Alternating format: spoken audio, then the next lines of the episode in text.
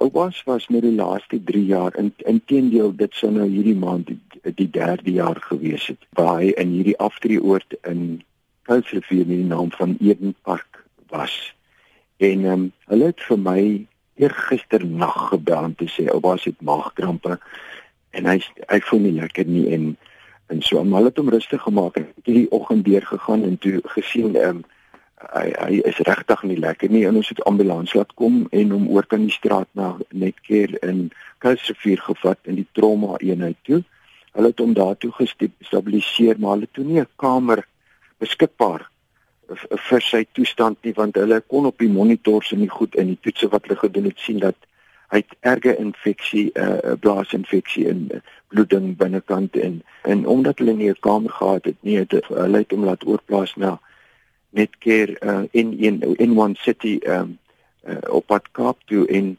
dis waar ons uh, uh, ons dis nou sy vier kinders uh, bymekaar gekom het saam met hom en ons het die middag daarby om deurgebring terwyl die dokter hom ondersoek het en so aan. En ek is toe gisterand uh, laat middag huis toe en uh, my suster Lani en die ander twee kinders is ook toe huis toe en toe by die huis kom uh, gelukkig was uh, baie baie goeie 'n uh, familievriendin van ons Ingrid Howard was toe by hom gewees. Ek het haar laat weet op pad huis toe dat hy in die hospitaal is en sy het toe deurgegaan na hom toe en 7 uur gisterand toe blaas hy sy laaste asem uit. Maar weet jy uit 'n vol vol lewe gelei, 90 jaar van 'n uh, uh, uh, absolute vol lewe en my persoonlike gevoel is dat hierdie was 'n verlossing vir hom sy kwaliteit van lewe die laaste ruk was nie te wonderlik geweest nie. Sy wêreld het klein geword. Hy het nie meer lekker rond onthou nie en hy hy wou nie eintlik met mense uh, verkeer nie en um, ek het hom baie gereeld gesien en en ag probeer gesels met hom um, maar uh, hy's hy's nou op 'n op 'n plek waar ons almal baie graag wil wees die Anka. Jou pa was was 'n fantastiese musikant. Wat dink jy is sy nalatenskap? Goeie genade Dianka. Uh, uh, daar is so wye spektrum van mense wat hom geken het mense wat uh, uh, lief was vir hom lief was vir sy musiek lief was vir sy komposisies uh, ja so sy nalatenskap is gaan gaan wees dis herinneringe aan sy wonderlike akkordeonspel en sy opvoerings wat hy fisies self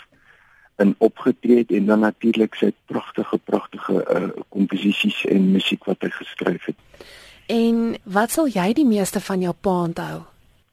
Ehm um, my pa was vir my uh, kyk ehm um, hy was my hy's my biologiese pa, maar hy het my nie groot gemaak nie. So hy en ek het nooit eintlik 'n pa-seun verhouding gehad nie. Hy was my orkesleier, ek het in sy orkes gespeel